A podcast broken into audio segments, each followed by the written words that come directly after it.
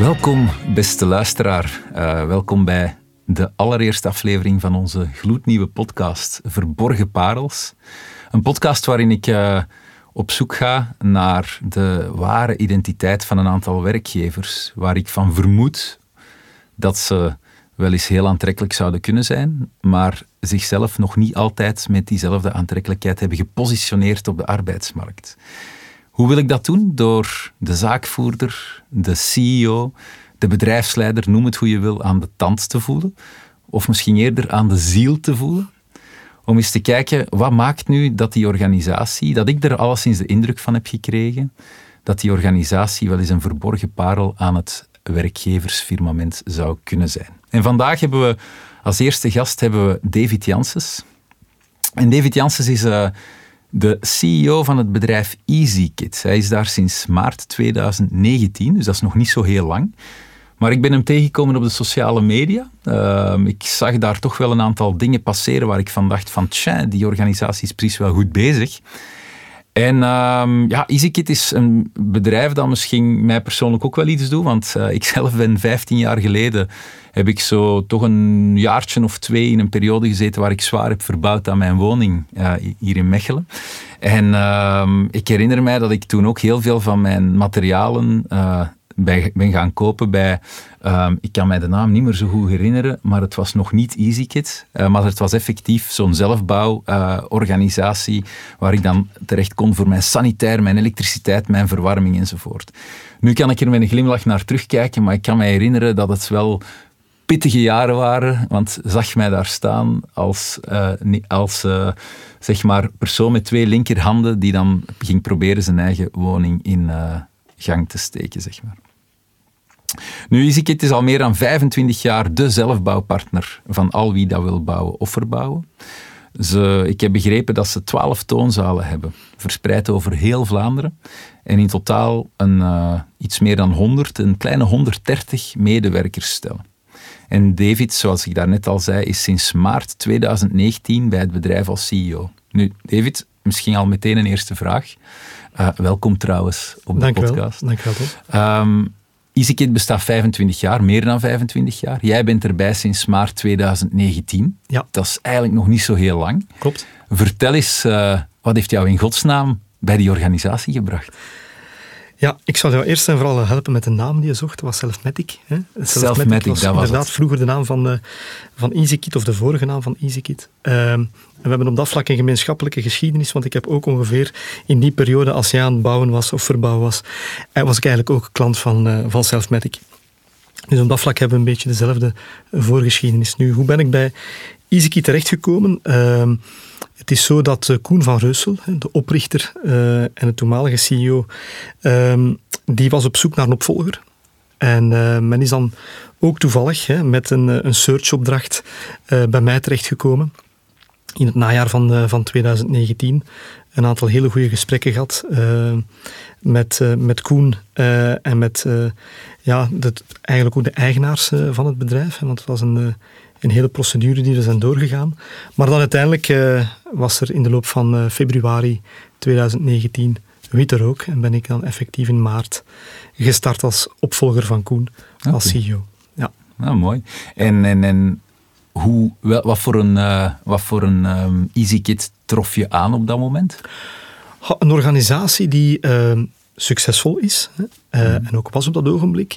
een organisatie die ja, toch wel met de nodige maturiteit op vlak van, van leiderschap, hè, centraal leiderschap, um, toch ook een, een zekere, hoe zou ik het zeggen, een sterke top-down uh, oriëntatie, hè, um, met um, oog voor detail uh, in, laten we zeggen, de verschillende facetten van de organisatie. Uh, en waar men eigenlijk ook aan het bouwen was op dat ogenblik aan een, een managementteam om eigenlijk ook die organisatie klaar te maken voor de toekomst. Hè. Men, laten we zeggen dat men ook wel de nood zag om het leiderschap wat breder te trekken, te investeren in HR, te investeren in uh, een sterke finance afdeling, een ICT-omgeving die ook uh, voldoende sterk was en onderbouwd is om uiteindelijk ook die uitdagingen van de toekomst aan te kunnen gaan. Dus je zag daar wel een organisatie die in beweging was, ook omwille van de sterke groei die we de laatste jaren ook hebben gekend. Ja, dat klinkt als een professionaliseringsgolf, hè, Ja. als ik het zo mag noemen. Ja, klopt. Eh, ik kan me inbeelden, je komt daar dan toe. Hè, ik hoor jou zeggen, ze waren eigenlijk al bezig met de bouw van een nieuw managementteam. Maar dat was dan wel een managementteam dat jij moest gaan leiden. Ja, klopt. Hoe was dat? Het is zo dat ik eigenlijk, hoe moet ik het zeggen, door de manier waarop het managementteam enerzijds al gevormd was, maar anderzijds ook door het feit dat ik eh, daar ook eerst en vooral aandacht voor had, voor de keuzes die ook in het verleden zijn gemaakt geweest, en anderzijds ook wel eh, voelde dat die balans goed zat in, die, in dat team, eh, was er al een heel sterke basis om op verder te bouwen. Dus we zijn eigenlijk, ik heb met elk eh, lid van het managementteam individuele gesprekken gevoerd. Vooral om te luisteren, hè, niet om zelf te praten, maar vooral om te luisteren van kijk. En ik heb aan iedereen dezelfde vragen gesteld. Er waren zes, zeven vragen die ik aan iedereen heb gesteld om eigenlijk een rode draad te vinden. Waar loopt men tegenaan? Wat zijn de uitdagingen die je ervaart in je rol? Ehm, waar zie je opportuniteiten en kansen eh, voor EasyKit? Wat verwacht je ook van mij, hè, in mijn nieuwe rol binnen de organisatie? En eigenlijk heb ik eigenlijk aan al die collega's dezelfde vraag gesteld. En dat was voor mij een heel mooi begin om eigenlijk niet alleen te werken aan een soort van vertrouwensrelatie, hè, maar ook om te voelen van oké, waar liggen de uitdagingen eigenlijk binnen de organisatie? En vooral ook een stukje buy-in te krijgen van iedereen zodat ik ook zeker in die eerste weken en maanden ja, de juiste klemtoon kon leggen. En de juiste keuzes kon maken vooral. Ja. Ja, ja. En je zei daarnet ook, je, en in die periode was ook de, de, de, zeg maar de opstart van een, het nieuwe professionele HR-team. Ja. Ik kan me inbeelden dat daar ook een professioneel HR-beleid uit is gevolgd.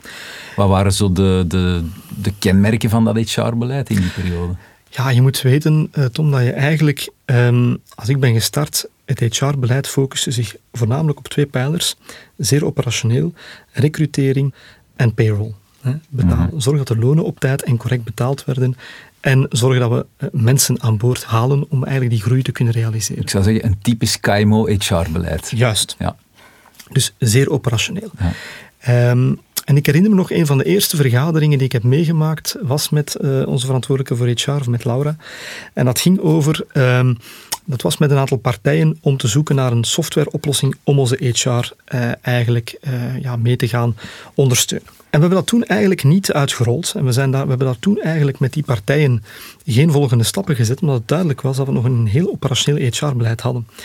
En als je geen strategisch HR-beleid hebt, ja, dan heeft het ook geen zin om dat te ondersteunen met software tools. Ja, Eh, dus hebben we eerst gezegd van kijk, laten we eerst eens bouwen aan een strategisch HR-beleid, aan een loonbeleid, vast en variabel loonbeleid, aan een onboarding eh, procedure en een onboarding checklist en onboarding traject, eh, waarin iedereen die nieuw aan boord komt ook op een uniforme manier eigenlijk meegenomen wordt in, onze, ja, in ons DNA. In wie we zijn, wat we zijn en hoe dat we te werk gaan.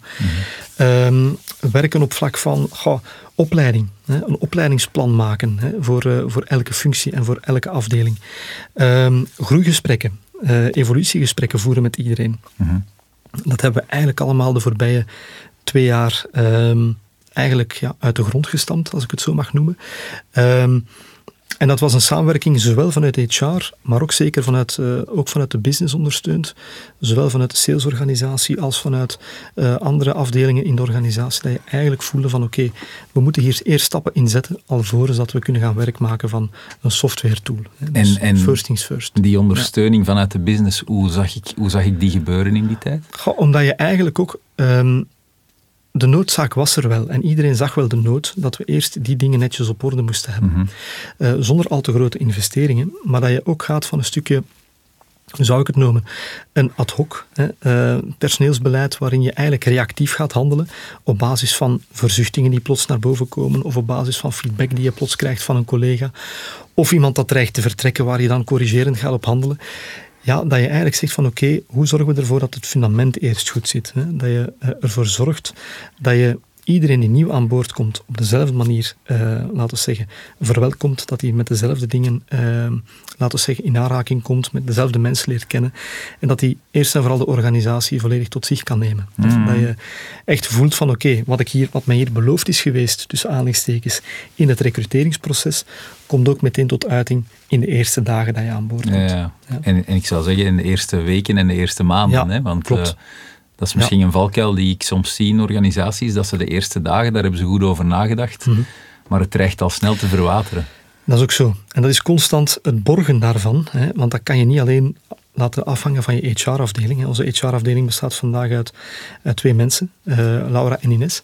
En ja, het is onmogelijk om voor 100, eh, 130 mensen constant eh, te monitoren eh, hoe dat eh, de vooruitgang nu zit. Daar heb je eigenlijk ook nood aan ja, je, je teamleaders, je, je mensen die verantwoordelijkheid hebben in je verschillende afdelingen, om dat ook mee op te volgen en daarmee zorg voor te dragen. En natuurlijk gaat onze HR-afdeling ook wel elke maand opvolggesprekken hebben in die eerste maanden. Eh, hoe dat, dat loopt. In de eerste, laten we zeggen, de frequentie is in het begin wat groter dan naarmate de maanden vol, vol, eh, laten we zeggen, vorderen. Maar hoe dan ook is het wel belangrijk dat daar iedereen, ja, laten we zeggen, evenveel belang aan hecht. Want ehm, om het met de woorden van, van een, een docent die ik ooit heb gehad, eh, want ik heb handelswetenschap gestudeerd met een HR-specialisatie. En een van de dingen die, me altijd, bijge, die me altijd zijn bijgebleven is bijvoorbeeld van, kijk, eh, een bedrijf heeft meestal wel een marketingbeleid of een marketingstrategie, heeft meestal wel, laten we zeggen, een goed financieel model of een businessmodel, heeft eh, een sterke productstrategie. Maar eigenlijk zijn het je mensen die uiteindelijk moeten zorgen voor de executie daarvan. Ehm, en daarom is ons belangrijkste kapitaal vandaag in de organisatie zijn niet die producten en zijn niet de diensten die we leveren, maar vooral de mensen die het moeten vertalen naar die klant. Die moeten zorgen uiteindelijk dat wat we willen en wat we eigenlijk willen bereiken, wat die klant uiteindelijk een goed gevoel moet geven om op het einde van zijn bouwproject te zeggen van oké, het is mij gelukt. Ja, zijn uiteindelijk ook die mensen die daar moeten, uh, het, die maken het verschil. En die gaan ermee zorg voor dragen dat je eigenlijk uiteindelijk heel die journey die je aangaat, van in het begin je eerste contact met EasyKit tot het laatste contact, uh, die servicetechnieker die langskomt om je installatie op te starten, dat je er altijd een goed gevoel aan overhoudt. Mhm. En dat kan je wel neerschrijven, dat kan je zeggen, maar uiteindelijk zijn het de mensen die het doen. Nee, nee, absoluut. En, Ja. en, en hey, natuurlijk, hey, sta mij toe te zeggen, je bent niet de eerste of de enige die zoiets zegt Ja. tegen mij. Mhm. Ik hoor het eigenlijk overal. Onze mensen, onze Ja, medewerkers zijn klopt. ons belangrijkste kapitaal. Ja. Maar als je dan in organisaties gaat vragen aan de medewerkers, in welke mate voelen jullie zich ook effectief de belangrijkste pijler van heel deze organisatie, ja, dan, dan, dan zeggen ze vaak wel iets anders of zelfs het totaal tegengestelde. Mhm. Hoe, kan je, ehm, hoe hoe kan je mij en misschien ook de luisteraar ervan overtuigen dat, je, dat bij jullie anders is, dat jullie echt wel ook in jullie dagdagelijkse leiderschapsgedrag dan misschien toch die medewerker altijd centraal zetten? Het is een transitieproces. Hè. Het heeft ook een stuk te maken met enerzijds de waarden die we benoemd hebben als organisatie en er ook naar leven. Ehm, in de eerste maanden als ik aan boord ben gekomen bij EasyKit, hebben we samen met het managementteam uh, en ook samen met, uh, met Koen, de, de, de, vorige CEO, eigenlijk gezegd van oké, wat is onze missie en wat zijn onze waarden? En het is cruciaal dat je natuurlijk ook als, niet alleen als bedrijf, leeft naar je missie, maar dat je ook als management leeft naar je waarden. Mm. En dat je eigenlijk ook daar uh, de belangrijkste ambassadeur bent van je missie en je waarden. En goh, het is natuurlijk zo dat we daar nog heel wat werk hebben om dat nog goed in de praktijk te brengen. Maar om u één praktisch voorbeeld te geven. We hebben vorig jaar, afgelopen zomer eigenlijk, voor de eerste keer geen collectieve sluiting gehad. We hebben voor de eerste keer eigenlijk gezegd van kijk, laat ons in de zomermaanden uh, de 12 toonzalen of de toenmalig 11 toonzalen open houden. Uh, en ervoor zorgen dat we onze klanten ook in de zomermaanden verder kunnen helpen. Dat hebben we niet, laten we zeggen, eenzijdig beslist. We hebben eerst bevraagd aan collega's van oké, okay, wat denken jullie daarvan? Mm. Hoe sta je daar tegenover? Wetende dat je je collectief verlof van 10 dagen dan vrij kan gaan kiezen op een ander moment. Mm. En op basis van die bevraging hebben we eigenlijk die beslissing uh, genomen om dat op zijn minst al voor één jaar te testen en mm. te kijken wat daar de uitkomst van is. En, en wat is eruit gekomen? Kan je dat, we dat, toch, dat we dat toch hebben gedaan, ja. hè, op basis van de uitkomst, en dat toch de overgrote meerderheid van de collega's daarvoor te vinden was, om dat op zijn minst uh, afgelopen jaar te organiseren en te kijken van oké, okay, wat zijn daar nu de, de pro's en de contra's van geweest. Mm. En natuurlijk was dat voor iedereen, hoe zou ik het zeggen, een, een stukje een stretch op vlak van plannen en organiseren, hè, want het was de eerste keer dat we dit deden. Maar door iedereen in de organisatie, en niet alleen de leidinggevende, maar iedereen te gaan bevragen, hadden we wel een duidelijk beeld van oké, uh, hoe leeft dit nu? Hoe kijkt iedereen er tegenaan? Uh, en is er voldoende draagvlak voor? En dat was de eerste keer dat we dat gedaan hebben. Dus je voelde ook wel dat uh, dat ook wel werd geapprecieerd. Uh, dat mensen gehoord werden en dat je niet alleen maar top-down een beslissing doordrukt en zegt van oké, nu gaan we dat op die manier doen en iedereen volgt. Hè. Eh, iedereen werd bevraagd mm. en op basis daarvan hebben we uiteindelijk beslist om dat toch te doen. Mm. Het is wel grappig het, voordeel, het voorbeeld dat je daar aanhaalt, want hey, we zijn zelf uh, vanuit Insolventie ook een redelijk, uh, ja. laat ons zeggen, uh, participatieve organisatie. We vragen heel vaak ook om de mening van medewerkers enzovoort. En als het dan effectief gaat over verlofplanning, hebben wij deze zomer um, ook wel gemerkt van ja oké, we hebben zeg maar, iedereen is bij ons ook vrij om zijn of haar vakantie een stukje in te plannen. Maar dat zorgt wel voor een zekere, of dat, heeft wel, dat vraagt wel aan, voor een zekere discipline, zeg maar. Ja om uh, goed te overleggen met elkaar, goed af te stemmen. Want wat hebben wij gemerkt? Dat als die discipline niet volledig uh, vastgepakt wordt en mensen niet altijd de tijd en de moeite nemen om goed elkaar te debriefen, te helpen en terug in gang te zetten enzovoort, ja, dat er ook wel eens wat frustratie kan ontstaan. Typisch dan bij zij die achterblijven in de zomer en, cru gezegd, alle problemen of alle shit tussen aanhalingstekens kunnen uh, mogen oplossen. Klopt. Hebben jullie hetzelfde gevoeld op een of andere manier? Ja. Het is een leerproces en uh, je leert uit, uh, ja, het is nu de eerste keer dat we dat georganiseerd hebben. Wat we nu gaan doen deze week, is eigenlijk iedereen opnieuw uh, een vragenlijst uitsturen met twee vragen. Enerzijds, oké, hoe heb je het zelf ervaren als mm. collega? Heb je het positief ervaren of negatief? En ten tweede, uh, en dan kan men sterretjes aangeven, hè, van, uh, van 1 tot, uh, tot 5 of geen. Hè. en ten tweede, hoe heb je het ervaren in je eigen afdeling? Mm. de workload, de, de werkorganisatie as such. Um, en dan heeft men ook de mogelijkheid om nog wat extra feedback te geven, kwalitatieve feedback. Mm. En dat zijn dingen die we gaan meenemen om te zien van oké, okay, hoe heeft iedereen dat ervaren? Enerzijds was er een positieve, laten we zeggen, uh, ingesteldheid om het uh, eens anders te organiseren afgelopen zomer. Ehm, maar nu willen we echt heel graag weten van oké, hoe heeft iedereen dat eigenlijk individueel ervaren? Omdat we daar ook, ja, in de ene afdeling was dat positief, uh, vernemen we, in de andere afdeling was dat wat moeilijker. Mhm. In het ene filiaal, in de ene toonzaal liep dat heel vlot, in de andere liep dat toch wat moeizamer. Dus die feedback willen we nu gaan verzamelen om te kijken, oké, welke learnings kunnen we daaruit trekken hmm. en hoe gaan we het naar volgend jaar toe gaan organiseren. Dat is wel mooi, want je blijft eigenlijk continu in dialoog en je geeft iedereen de kans om continu inspraak te hebben in de bijsturing van de nieuwe initiatieven. Klopt. Mooi. Klopt. Een vraagje, een, an een andere vraag die ik heb. Um, ik word wel eens geconfronteerd met uh, een beetje de boetade uh, als ik met HR-managers of, of, of, of, leidinggevenden in organisaties spreek waar heel veel, waar een grotere, ik zeg maar, arbeiderspopulatie rondloopt. Hè. Uh, van ja, maar ja, de mensen die meer met hun handen werken, hè, dat, dat, zijn vaak mensen die je moeilijker meekrijgt in een cultuur, in een werkgeversverhaal. en dat is ook oké. Terwijl ik ben van, van mening, we zijn allemaal mensen we hebben allemaal bepaalde drijfveren die ons tot motivatie kunnen leiden. Die liggen eigenlijk niet zo heel ver uit elkaar, die drijfveren. Mhm. Dus ik weiger dat, dat, te geloven dat het anders zou zijn in een omgeving waar veel met de handen wordt gewerkt versus veel met het hoofd wordt gewerkt. Mijn vraag aan jou is, hoe zit dat bij jullie? Is dat iets wat je herkent? Is het effectief moeilijker om de, de mensen die meer met hun handen erin staan, om die ook goed mee te krijgen in uh, wie jullie willen zijn als organisatie, als werkgever? Dat gevoel heb ik niet, of toch veel minder. Uh, wat je wel hebt, en dat is een uitdaging voor ons, onze servicetechniekers, onze monteurs bijvoorbeeld, hmm. uh, die, ja, die, hebben, die werken eigenlijk zeer zelfstandig. Hè. Die hebben een, een eigen bestelwagen, die hebben eigen materialen altijd mee. Ehm, en die werken eigenlijk van s morgens tot s avonds autonoom. Ze hmm. krijgen hun planning vanuit onze dienstnaverkoop, vanuit de back-office. En natuurlijk die mensen bereiken en die mensen uh, betrokken houden bij je organisatie, weten dat ze eigenlijk tussen aanhalingstekens uh, ja, geen vaste werkplek hebben hè, binnen kantoormuren of uh, binnen bedrijfsmuren. Dat is eigenlijk de grootste uitdaging. Um, vandaar dat we ook ja, hebben getracht, ook helemaal ja, in de beginperiode als ik aan boord ben gekomen, van ook, hoe zorgen we ervoor dat we eigenlijk een communicatieplatform creëren, waarin dat iedereen ook ja, uh, voelt van oké, okay, um, die communicatie ook uit eerste hand krijgt. En niet alleen via mail of via vergaderingen of team, teammeetings, maar dat je eigenlijk een soort van communicatieplatform hebt waar iedereen ook uh, ja, zijn informatie kan, uh, kan vinden, maar anderzijds ook ja, leuke berichten kan ontvangen van collega's en, en dergelijke meer. En dan heb je het over een platform dat je op je smartphone... Dat is een platform op je smartphone, op je pc, op je laptop, dat je kan raadplegen.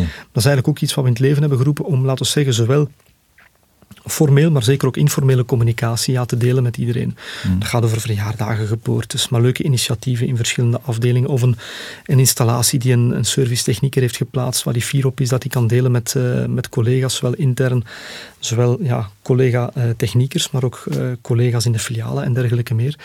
En dat je eigenlijk ook op dat vlak toch een, een vorm van samenhorigheid blijft hebben. Mm. Want laten we zeggen, teamspirit, samenhorigheid, ja, dat is ook een van onze belangrijke waarden. En het is ook belangrijk dat we mensen, ja, de 24, 25 servicetechniekers die we hebben, dat we die ook blijven bereiken. En uh, elke technieker is wel gekoppeld aan een EasyKit toonzaal. Um, dus daar heb je wel een stukje die samenhorigheid die er wel is. Hè. Ook bij teamactiviteiten bijvoorbeeld worden ze wel mee betrokken daar. Mm um, maar dat is eigenlijk de grootste uitdaging. Vooral wetende dat we 12 filialen hebben op mhm. verschillende locaties. Dat we een hoofdkantoor hebben in Rotselaar, een centraal magazijn in Contig, 24 techniekers hè, die constant op de baan zijn.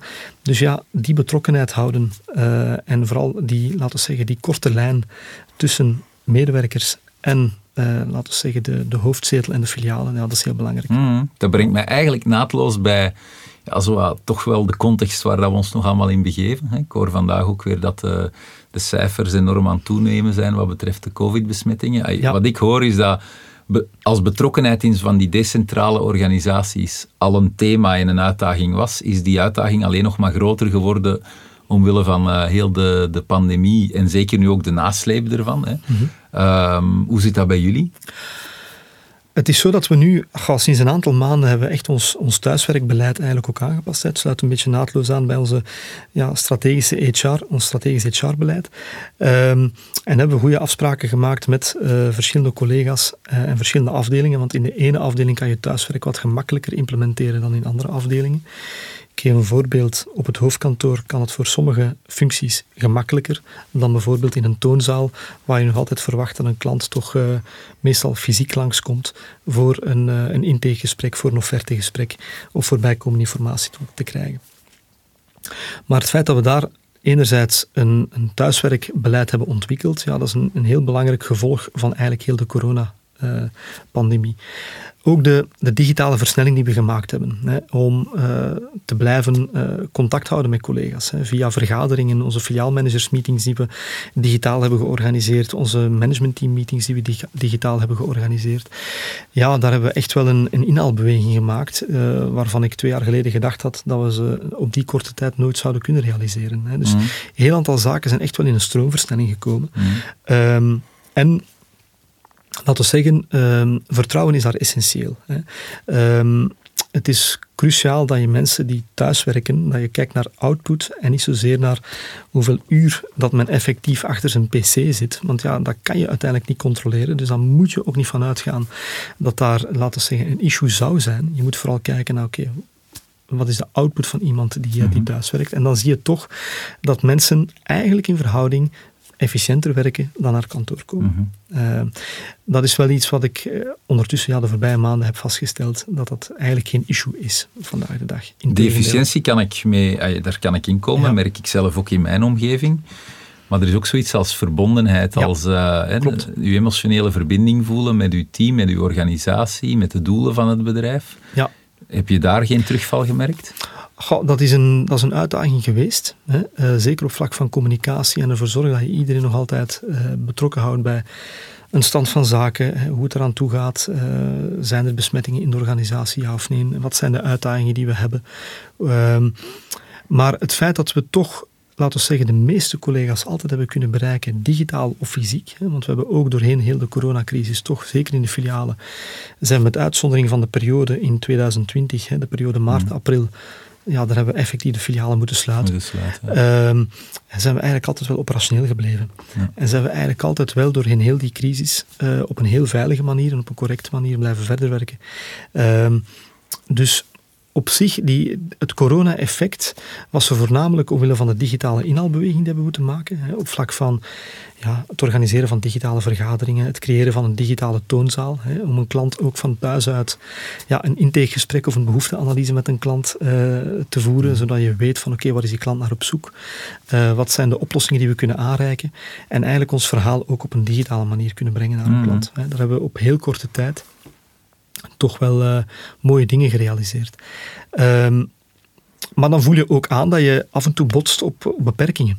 Bijvoorbeeld, we hebben ja, alle collega's die in de verkoop werkten, ja, die, hadden, die hadden een vaste PC, die hadden geen laptop. Ah, ja. hè. Dus we hebben geïnvesteerd in 60 laptops hè, op heel korte tijd, zodat we ook de mogelijkheid hadden om effectief die klant van, eh, ja, van thuis uit verder te helpen. Ja. Om effectief onze opleidingen en onze opleidingsavonden die we organiseren in de toonzalen, om die digitaal te organiseren, zodat een klant niet meer fysiek naar een toonzaal hoeft te komen om die opleiding te volgen. Ja.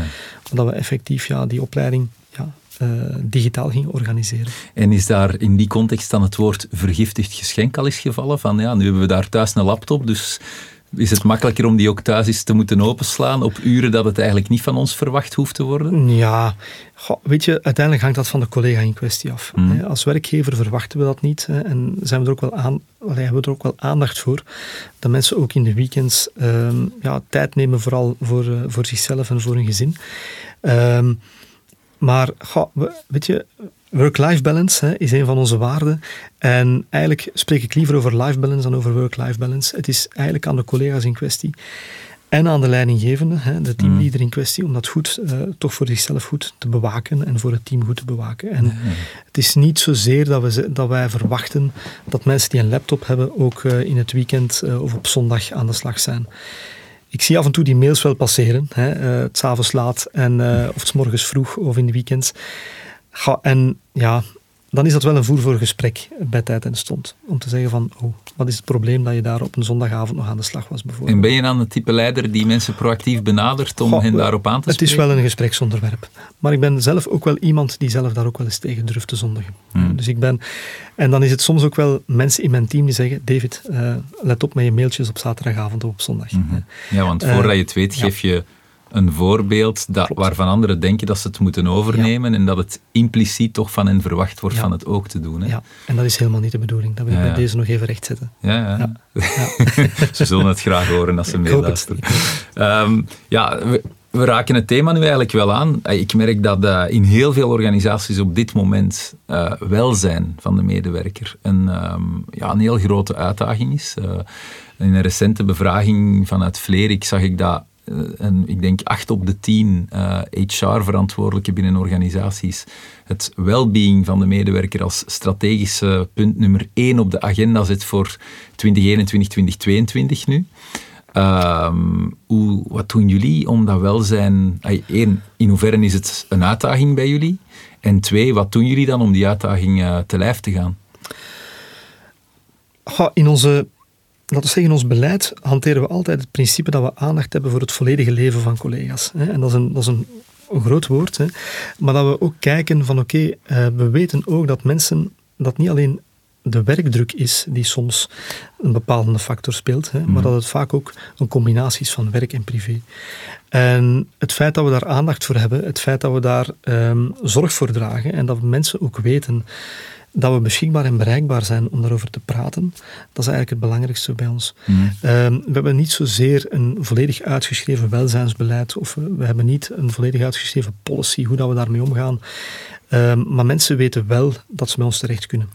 Ehm, als er iets is, als er nood is aan een goed gesprek.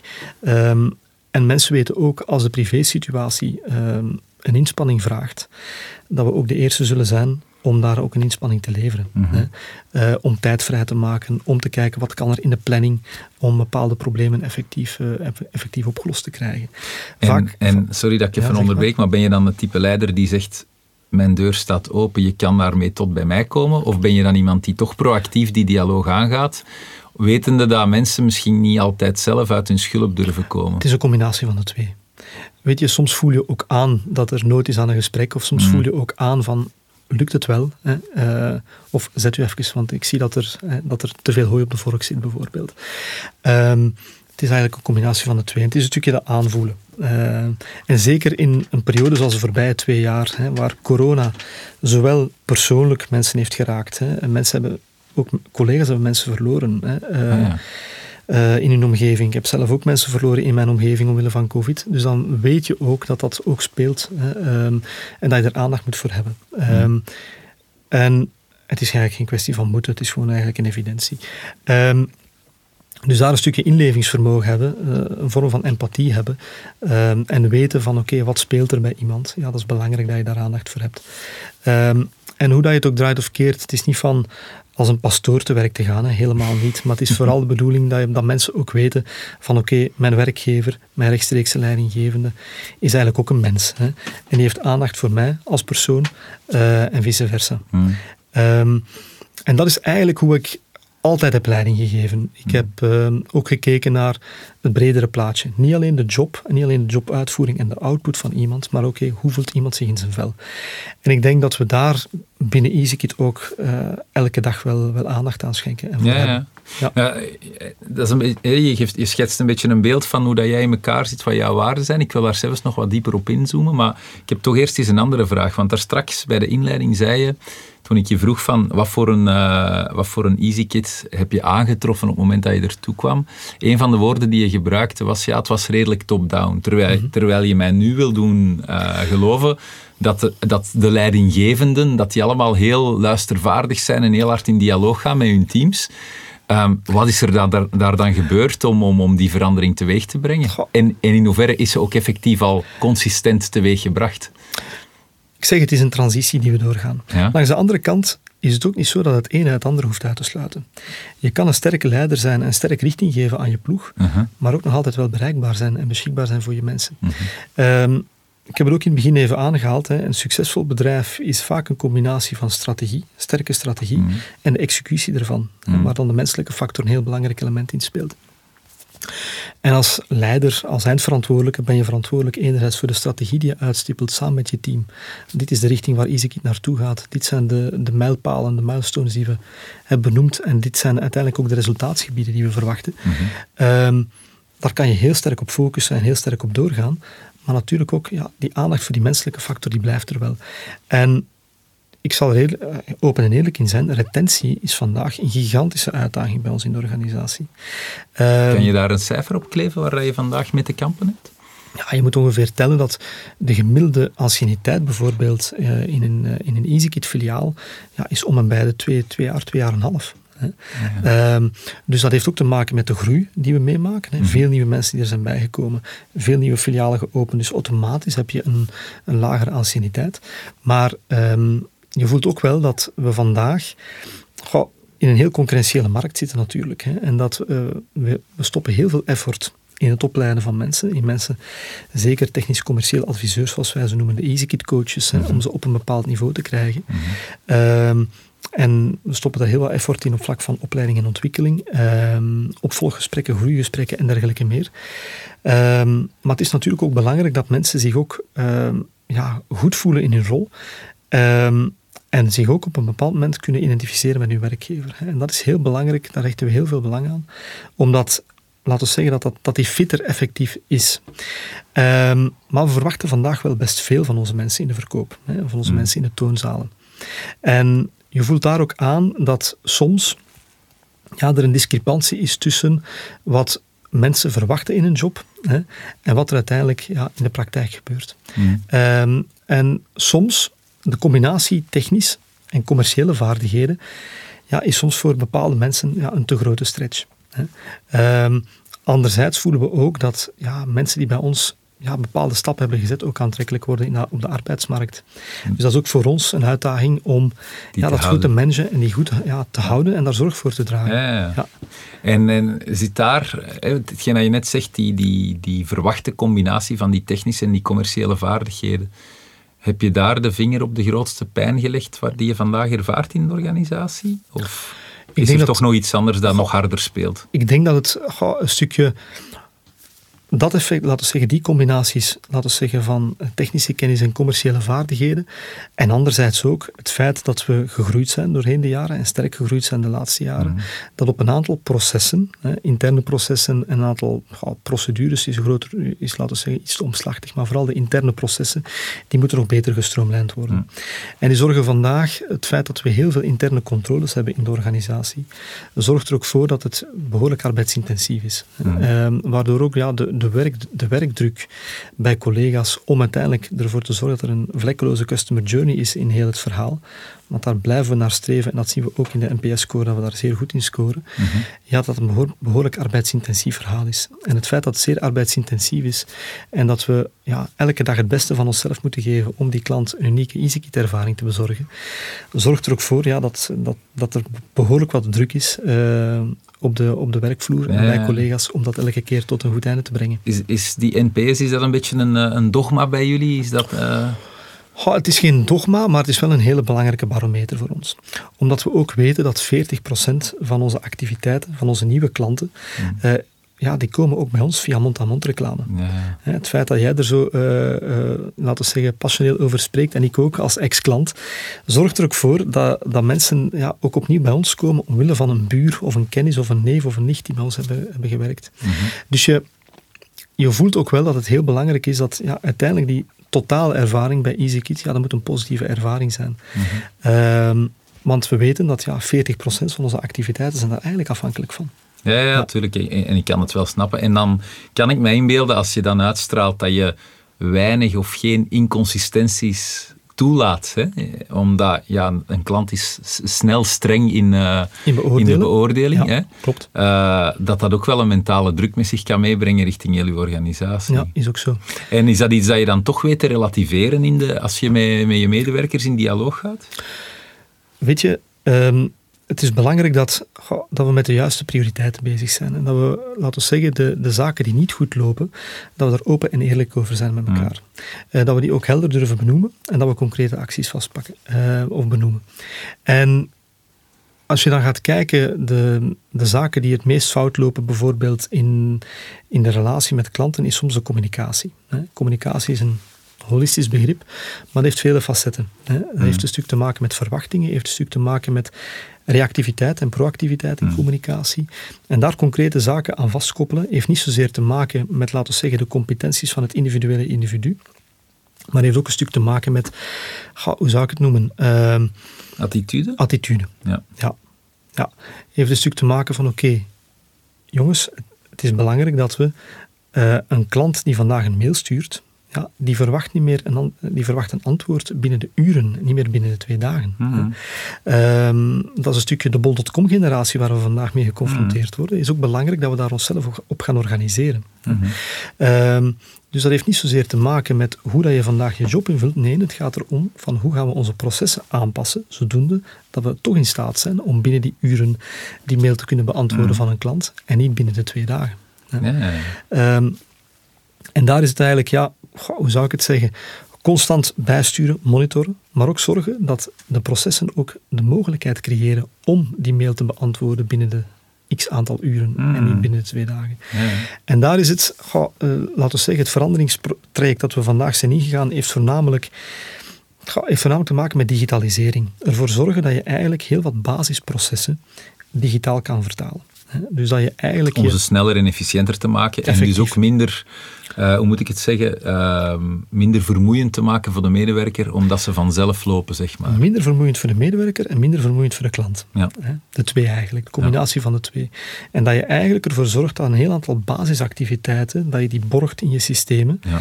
ehm, in je digitalisatietraject, en niet zozeer in een, ja, laten we zeggen, eh, menselijke interventie die noodzakelijk is. Ja, ja, ja. Het gaat over heel banale dingen. Hè? Het opvragen van een duplicaat van je factuur bijvoorbeeld. Of een, eh, ja, een statusupdate van je levering vragen. Of een, een, een levering zelfs plannen. Eh, Hmm. Ja, dat, dat zijn vandaag allemaal menselijke interventies die noodzakelijk zijn. Interacties via mail, telefoon eh, en dergelijke meer. Of fysiek hè, in de toonzaal. En de uitdaging zit er echt wel in om een heel aantal van die basisactiviteiten te gaan borgen in je, laten we zeggen, in je digitale proces. Ja, en in hoeverre is jullie drang naar digitalisering, in hoeverre wordt die ook omarmd door de medewerker? Want ik hoor ook wel eens verhalen waarbij medewerkers dat soms ook bedreigend vinden.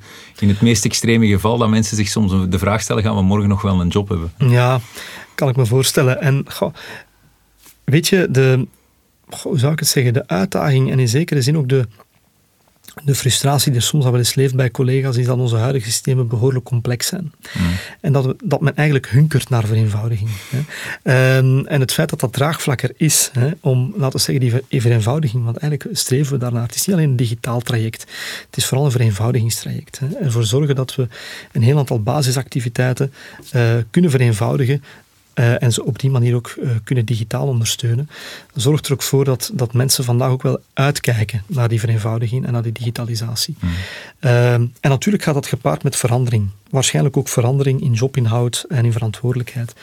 Maar anderzijds is iedereen vandaag ook wel overtuigd dat het anders moet in de nabije toekomst. Mm. En dat we ook wel met de stappen die we vandaag aan het zetten zijn, voelt men ook wel aan dat we de juiste richting uitgaan. Ja, ja. ja. Uh, ik wil nog eens even teruggaan naar jullie medewerkers. Um, stel dat ik ze hier alle 128 was het, hè, zou uh, in de buurt hebben. Jij bent niet in de kamer en ik vraag hen wat is de grootste valkuil vandaag van de organisatie? Waar moet EasyKit absoluut in verbeteren? Wil jij de organisatie aantrekkelijk blijven vinden als werkgever? Wat zouden ze mij dan doorgaans zeggen? Goh, ik, ik denk dat het allemaal, als ik het nu even mag samenvatten, communicatie. Ik denk... Uh, Ondanks het platform dat jullie Ondanks het platform. En het platform, laten we zeggen, is ook maar een tool, hè, is maar Tuurlijk. een middel. Um, ik denk dat het vandaag, um, hoe dan ook, zeker rekening houden met de, de veranderingen waar we in zitten en voor staan en de dingen waar we mee, bezig zijn, dat het cruciaal is om ja, goed te blijven communiceren met mensen. Dat iedereen goed weet van oké, hoe doen we het vandaag als organisatie? Wat zijn de uitdagingen waar we voor staan? Wat zijn de plannen die we hebben volgend jaar en de, de komende jaren? Dat is cruciaal. Vandaar ook dat ik um, de volgende weken ook ja, een soort van roadshow inplan hè, in, uh, in alle toonzalen, in, in alle locaties, om duidelijk te maken wat is de stand van zaken? Hè? Wat hebben we de voorbije periode gedaan? Wat zijn de Mhm. resultaten daarvan? Waar zijn we vandaag mee bezig? En wat zijn de plannen voor de nabije toekomst? Mhm. Iets waar wel tijd in kruipt. Iets waar tijd in kruipt. Um, en wat we niet doen op één forum, maar wat we gewoon op de verschillende EasyKit locaties gaan In organiseren. kleine groepen, veel, veel dialoog, veel interactie. Ja, klopt. Hè. En ook openstaan voor feedback. Hè. Dus niet alleen een one-man show uh, eenrichtingsverkeer. Nee, eerst en vooral informeren. En anderzijds ook ja, bereikbaar zijn voor vragen, opmerkingen, suggesties, noem maar op.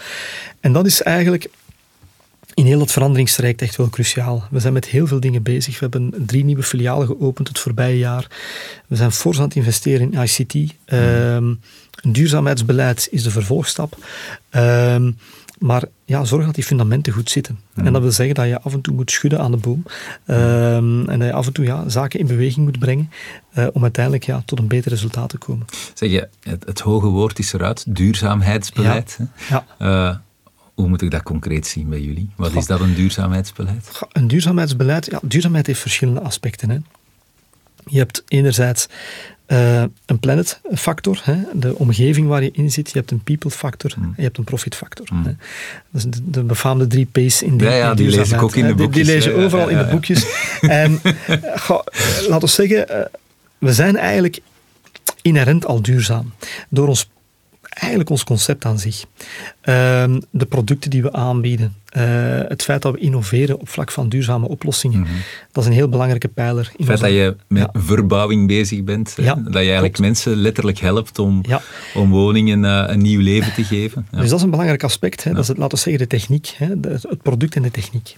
Hè. Warmtepompen, zonnepanelen, batterijopslag, hm. noem maar op. Hè. Al die innovaties waar we vandaag mee bezig zijn en die we vandaag aanbieden. Hm. Een tweede belangrijk aspect dat er eigenlijk aan vasthangt, is van, oké, okay, je hebt die producten wel, maar hoe maak je het toegankelijk voor iedereen? Hmm. Want je, ja, in, laten we zeggen, duurzame technieken energetisch gaan bouwen, kost veel meer dan tien jaar geleden gaan bouwen. Wij zorgen er eigenlijk voor dat we het toegankelijk maken voor iedereen. En dat we eigenlijk zorgen dat het renoveren en het duurzaam maken van je woning en het energievriendelijk inrichten van je woning, dat we dat eigenlijk toegankelijk maken voor ja, iedereen in, uh, in dit land. Door het betaalbaar te maken en ervoor, ervoor te zorgen dat mensen het ook zelf kunnen plaatsen. -hmm. um, waardoor je niet afhankelijk bent van, laten we zeggen, een duur installatiebedrijf. Of dat je niet afhankelijk bent van, oké, okay, um, een, een, dure techniek, ja, die is niet toegankelijk voor mij. Wij maken het toegankelijk voor iedereen. Mm. En dat is eigenlijk het duurzaam aspect van ons bedrijfsmodel aan zich. Mm. Dus dat is niet onbelangrijk. En dat is eigenlijk vandaag goh, misschien relevanter dan ooit. Hè. Um, anderzijds, als we gaan kijken naar het stukje uh, people-verhaal, is het natuurlijk zo dat je eerst en vooral moet zorgen dat je HR-beleid op punt staat. Hmm. Ik zeg altijd, um, laten we zeggen, je operationele HR is een fundament. Hè. Hmm. Zorg dat de lonen correct betaald worden, op tijd betaald Get worden. The basics Get right. the basics right. Dat is een fundament. Vervolgens ga je bouwen. Hè. Ga je je huis gaan bouwen. Um, en dat is waar we vandaag mee bezig zijn. Hè. Dat, uh, laten we zeggen, dat strategisch HR-beleid gaan vormgeven met uh, ja, de pijlers die ik net heb opgesomd. Hè. Verloning, opleiding en ontwikkeling en noem maar op. Ja, ja, het duurzaam aspect, hè, inclusie, diversiteit, ja, daar zijn we vandaag ook mee bezig. We hebben vandaag meer dan ooit aandacht dat bijvoorbeeld onze vacatureteksten, dat die genderneutraal zijn opgemaakt. Mm. We merken ook dat we daar vandaag als ik ben begonnen uh, binnen EasyKit, denk ik, was er één dame in de verkoop. Hè. Uh, werkte er één, uh, één vrouw in onze, in onze toonzalen. Ik denk dat er vandaag vijf zijn, vier of vijf. Dus we zien daar ook wel een zekere evolutie. Hè. Het feit dat we ook um, genderneutraal communiceren, dat we ook um, ervoor zorgen dat mensen van een, een allochtone afkomst, dat die ook perfect bij ons aan de slag kunnen, ja, zorgt er ook voor dat dat, laten we zeggen, dat duurzaam aspect um, ja, ja, in volle ontwikkeling is. Mm. Maar het is voor mij, laten we zeggen, het, ja, niet zozeer een, een eindpunt, maar het is voor mij een volgende stap. Mm. Want um, ik zie vandaag dat we in heel wat aspecten van ons HR-beleid um, al een heel duurzaam karakter hebben. Um, dat we investeren in opleiding en ontwikkeling. Wordt dat, dat door de mensen bevestigd in je, in je organisatie? Ik denk het wel. Ik ja? denk het wel. Als ik uh, mensen die vandaag nood hebben aan, aan, opleiding of vorming, hebben ook de mogelijkheid in de groeigesprekken om dat ook uh, aan te kaarten. Als okay. we, en dat gaat over heel, soms heel uh, banale dingen. Ik zeg maar een opleiding voor, ja, om nog zich wat meer te bekwamen in Frans. Hè, in het Frans bijvoorbeeld. Ja, oké, okay, dat is ook iets wat, dat in zo'n evolutiegesprek aan bod kan komen. Ja, ja, um, en waar we ook invulling aan geven. Hè. Dus laten we zeggen, die dingen, die denk ik wel dat die beaamd worden door, door collega's. Dat okay. denk ik wel te mogen stellen.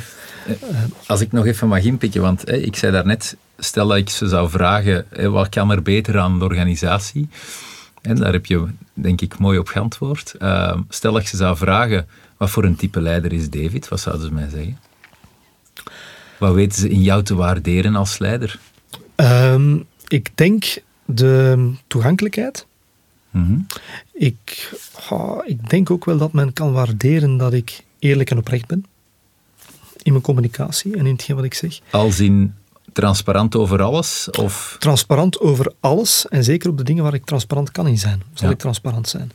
Ja. Um, ik denk dat men ook wel weet te waarderen dat ik oh, een, duidelijke, ja, een duidelijke richting aanhoud. Hè? En dat ik uh, oog heb voor enerzijds het, uh, het belang van collega's en het belang dat iemand heeft in zijn individuele rol, maar vooral ook het belang van de organisatie. Hè? Want je, je kan natuurlijk heel sterk focussen op, de individu, laten we zeggen, op het individu of op de mens achter, uh, achter de functie of achter de rol uh, mm-hmm. en verantwoordelijkheid in de organisatie. Maar uiteindelijk is één ding natuurlijk ook wel cruciaal. Dat is als je als organisatie succesvol bent en blijft. Hè?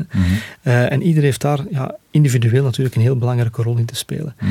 En het feit dat ik die balans heb, enerzijds focus op het individu, maar anderzijds ook wel focus op het belang van de organisatie en het succes van de organisatie. Mm. Ik denk en dat, dat die ook toegelaten wordt. En dat die ook toegelaten wordt, ja, ja.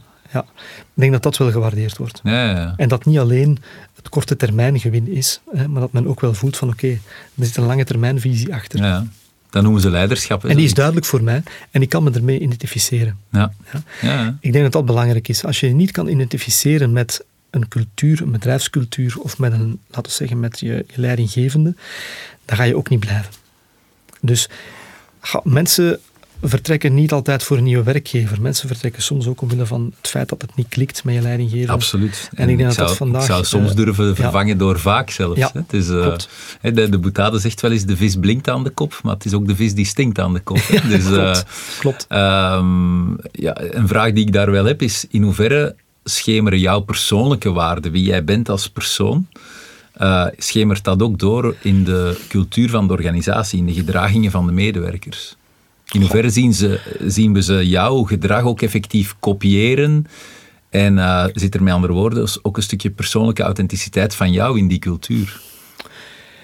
Ik denk het feit dat we sterk hebben ingezet in opleiding en ontwikkeling, in het feit dat we echt groei en persoonlijke groei als een basis zien van de groei van de organisatie. Mhm. En niet alleen in aantal filialen, maar ook in groei in, eh, in financieel resultaat. Mhm. Ik denk dat dat de vertaalslag is van, eh, van mijn visie. Mhm. Als je niet investeert in je mensen, ga je ook nooit de return halen, of de volle return halen uit je organisatie. Mhm.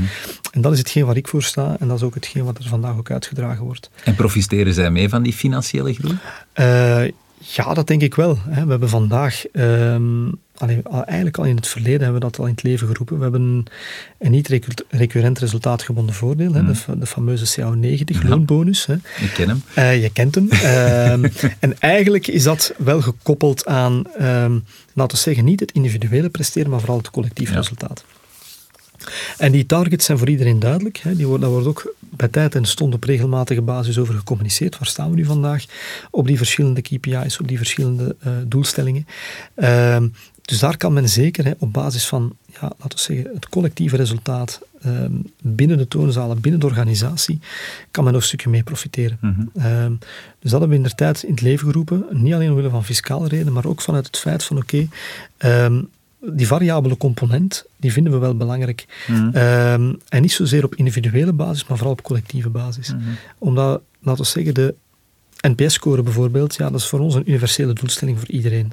Die, die is gelinkt ook aan die CAO90-bonus klopt. dan? Ah, ja. Klopt. Klopt. Eh, omdat we daar ook zeggen van kijk, als we het goed doen voor onze klanten, dan gaat het bedrijf er op termijn ook beter van Ja. worden. Dan gaan we als EasyKit uiteindelijk ook tot een beter resultaat gaan Ja. komen. Eh, dat wil niet zeggen dat je elke klant korting moet geven. Dat wil ook niet zeggen dat je elke klant in een gesprek of in een mogelijke discussie altijd gelijk moet geven. Nee, Mhm. dat zorgt ervoor dat je eigenlijk gaat zorgen dat je processen doorheen heel de organisatie, dat die smoothly lopen. Mhm. En dat je eigenlijk streeft nou, dan zou ik het zeggen, hè, customer delight, zoals men dat vandaag noemt. Hè. Dat je Mm. eigenlijk zorgt dat in alle touchpoints die een klant heeft met EasyKit, dat dat een, een goede ervaring is En, en ook een consistente ervaring. Ja. ja, ja, ja. Ja. Oké. Zeg, eh, je, je lijkt mij iemand te zijn op basis van wat je hoort vertellen, die voor zichzelf en zijn omgeving de lat redelijk hoog durft leggen. Ehm, Ik wel, ik kan me inbeelden dat er ook zaken zijn waarin je je als leider voelt tekortschieten Mhm. bij momenten. Wat zijn zo de zaken waar jij jezelf graag nog wat meer in wil zien groeien? Goeie vraag. Goh, laat ons zeggen dat ehm, mijn belangrijkste groeipunt ehm, ligt misschien wel in, goh, in de operationele drukte waar we vandaag in zitten met alle projecten die bezig zijn. Mhm. Ervoor zorgen dat ik ook ja, zichtbaar blijf in de organisatie. Mhm. Dat mensen ook... en vandaar ook dat ik die roadshows ga organiseren, hè, om ja, toch ervoor te zorgen dat ik bij tijd en stond ook ja, in die filialen blijf komen. Dat ik ook bij tijd en stond echt contact heb en blijf hebben met, eh, met onze verschillende techniekers op de baan. Mhm. Ehm, ja, ik denk dat dat zeker in de uitdagende periode waar we nu hebben ingezeten, dat dat een belangrijk aandachtspunt is voor mij. Dat ik niet binnen de vier muren van mijn kantoor eh, hard blijf zwoegen, eh, samen met mijn team om, eh, om zaken in beweging te houden, maar dat mensen ook mij blijven zien. Mhm. Dat is een belangrijk, een belangrijk ja, laten we zeggen, aandachtspunt voor Mhm. mezelf. Ik denk daarnaast, ga, ehm, ja, laten we zeggen, de onpopulaire beslissingen die soms moeten genomen worden, ja, die moet je ook nemen. Hè. Ehm, en het feit dat ik aandacht heb voor, laten we zeggen, ehm, de persoon in kwestie, zorgt er ook voor dat dat af en toe wel eens lastig is. Ja, ja. Een onpopulaire beslissing nemen. In die mate dat je ze uitstelt, het nemen van die Eh, beslissing? niet, zo, niet zozeer uitstellen, ehm, maar dat ik er altijd voor zorg dat als ik die beslissing neem, dat het onderbouwd is. En dat ik ook mezelf altijd in de spiegel kan kijken. Hmm. Dat ik er 200% achter sta. Hmm. Ehm, en het feit dat ik er zelf moet achter staan, dat kan af en toe wel eens zorgen voor wat vertraging. Maar ik moet er zelf achter staan. Als ik, En, en sorry dat ik onderbreek, maar. maar heb je dan wel eens een dag gehad waar dat je eh, voor de spiegel stond en het gevoel had van, goh, potverdorie, ik, heb hier, ik ben hier iets te hard meegegaan in het persoonlijke belang van persoon X, Y of Z en heb eigenlijk niet volledig gehandeld naar mijn eigen waarden en normen, dus ik voel mij iets minder authentiek als leider of zo? daar twijfel je soms wel eens over. Ja. Ehm, maar twijfel is ook goed. Eh, het feit dat je erover nadenkt en het feit dat je, alvorens dat je die beslissing neemt, ehm, dat je er goed over nadenkt eh, en dat je alle aspecten in rekening brengt, zorgt er ook voor dat die momenten gaat, laten we zeggen, niet al te vaak voorkomen. Ehm, het feit dat je ga met alle aspecten probeert rekening te houden. Dat je een aantal dingen in balans brengt met elkaar. Dat je zegt van oké, hoe sta ik hier zelf tegenover? Wat zijn hier de verschillende belangen? En vooral, wat is het belang en de return van de organisatie? Ja, zorg er ook voor dat je uiteindelijk een weloverwogen keuze gemaakt hebt. Hè? Hmm. En natuurlijk ehm, kan je dingen altijd beter doen of anders doen, of zijn er alternatieven mogelijk, maar uiteindelijk moet je een beslissing nemen. Hmm. Ehm, en geen beslissing nemen is vaak veel fouter dan uiteindelijk een beslissing nemen. Ja. Daar kan ik me inderdaad iets bij voorstellen. Ja. Ehm, zijn er zaken waar jij s'nachts van wakker ligt? Uh, ja, ja, zeker wel. Um, en als het dan gaat, ik ga ervan uit dat het gaat over professionele dingen, uh, Tom. Uh, Niet per se, zeg gerust waar je allemaal van wakker ligt. Waar ik van wakker lig is van ja, de uitdagingen waar we vandaag wel met z'n allen voor staan. Hè. Ik denk, mm. Je ziet vandaag uh, tekorten op, uh, op vlak van, uh, van aanleveringen van producten. Je ziet prijsstijgingen die de, de, de pan uitswingen. Je ziet stijgende energieprijzen. Je ziet de war voor talent op de arbeidsmarkt. Hè. Je mm. ziet heel wat zaken die vandaag in beweging zijn. Hè. De coronacrisis die is eigenlijk nog wel, nog wel actief. Hè. In, alhoewel dat we hier vandaag zonder mondmasker tegenover elkaar zitten. en dat je eigenlijk enkel nog op het openbaar vervoer met een mondmasker geconfronteerd wordt of bij de kapper. Hè. Ehm, maar je je voelt wel dat ja, de veranderingen die, die vandaag bezig zijn en de shift die er vandaag is in, op, laten we zeggen, op macro-economisch niveau, die toch wel een grote invloed hebben op je organisatie, ja, daar hmm. ben ik vandaag wel mee bezig. Ja dat en dan het feit dat die dingen gebeuren, of het feit dat je die dingen soms ook moeilijk uitgelegd krijgt in je organisatie? Goh, dat je die dingen ziet gebeuren, dat je ze enerzijds ook moet managen, dat je er moet zorgen van, oké, hoe zorg ik hier nog altijd voor enerzijds een duurzame relatie met mijn leveranciers, maar ook met mijn klanten, hè, die verwachtingen hebben. Ehm, dus dat is een uitdaging. Hè. Ik heb het er met mijn, uh, uh, onze productaankoopmanager nog over gehad, niet zo heel lang geleden. Ja, we hebben eigenlijk de voorbije twee jaar geen enkel normaal jaar gehad. Hè. Mm. Uh, coronacrisis, nu de grondstofschaarste en de, mhm. eh, de prijsinflatie die we kennen. Dus dat zorgt voor uitdagingen, hè, ehm, zeker weten. En die zaken op een goede manier managen, op een goede manier vertalen naar je organisatie, maar vooral ook naar je andere stakeholders, ja, dat, is een, dat is toch wel een, een hele uitdaging. Mhm. Dus ja, dat stakeholder management hè, en dat aandacht hebben voor je mensen, voor je aandeelhouders, voor je klanten, ehm, maar ook voor je omgeving in de, in de ruimere zin van het woord, ja, dat is vandaag toch wel een, eh, een behoorlijke uitdaging. En dat is wel mm. iets waar ik vandaag af en toe eens wel wakker lig. Ja. ja. Zeg, en, en, een leider, allez, ik ga er altijd vanuit, uh, ik ben zelf ook iemand die zich graag laat inspireren door van alles en, en nog wat. Of door mensen. Uh, wie of wat inspireert jou eigenlijk? Of wie of wat zoek jij op om inspiratie te halen? Hm. Ehm, een stuk in, laten we zeggen, literatuur, maar eigenlijk en vooral door mensen, door het contact met mensen. Hm. Ik steek eigenlijk in de, in de voorbije twintig jaar dat, ja, dat ik nu professioneel actief ben, heb ik eigenlijk het meeste geleerd van mensen waaraan ik zelf gerapporteerd heb. Ah, en mensen waar, die zelf aan mij leiding hebben gegeven. Um, en daar heb ik getracht om de goede elementen te bewaren en te koesteren en mee te nemen. En de minder goede elementen eigenlijk ook te onthouden, maar ze niet te kopiëren. Ehm, en dat is eigenlijk voor mij de, de belangrijkste inspiratiebron. Dat is mensen waarmee ik heb samengewerkt, enerzijds. Um, die aan mij hebben leiding gegeven. Maar anderzijds ook ja, mensen die ook in mijn rol vandaag actief zijn, die ook vandaag actief zijn als, als CEO als leider als zaakvoerder van de organisatie. Ehm, ja, daar, laten we zeggen, dat is ook voor mij een bron van inspiratie. Die, die hmm. gesprekken, die, uh, die interactie die je hebt met mensen, uh, ook voelen dat je met de uitdagingen waar je voor staat, dat ook anderen daarmee worstelen. Mm. want ja, literatuur is theorie. Hè, wat je zelf ook aanhaalt. Ja, een aantal dingen zijn natuurlijk herkenbaar, lees je over en mm. dergelijke meer. Maar hoe, wat, is dat, wat betekent dat in de praktijk? Het concrete. Ehm, hoe ga je het effectief gaan vertalen in je organisatie? Hoe ga je het handjes en voetjes geven, zeg ik altijd. Ehm, dat is voor mij ja, veel belangrijker. Natuurlijk heb je heel wat theorieën en heel wat modellen die je kan toepassen maar ze effectief vertalen in de praktijk. Daar, dat is de kunst. Ja. ja. Ik heb nog een, uh, want we, uh, het is, ik vind het een heel boeiend gesprek, maar we gaan uh, jammer genoeg wel aan moeten afronden. Ik heb een, um, misschien nog een, een, een, ja, een heel belangrijke vraag. Um, waar droom jij nog van? Wat zijn de zaken waar jij van wil dat ze zich verwezenlijken in de komende jaren? Onder jouw leiding dan? Hmm.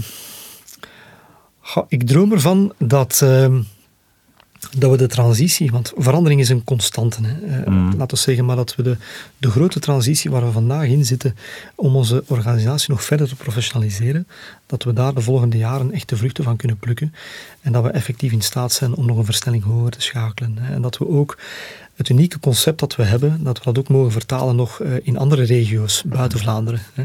Dat is echt iets waar ik van droom en dat we in staat zijn om ook ja, als organisatie te groeien, maar dat ook het menselijk potentieel mee kan groeien in de organisatie. Daar geloof ik echt wel in.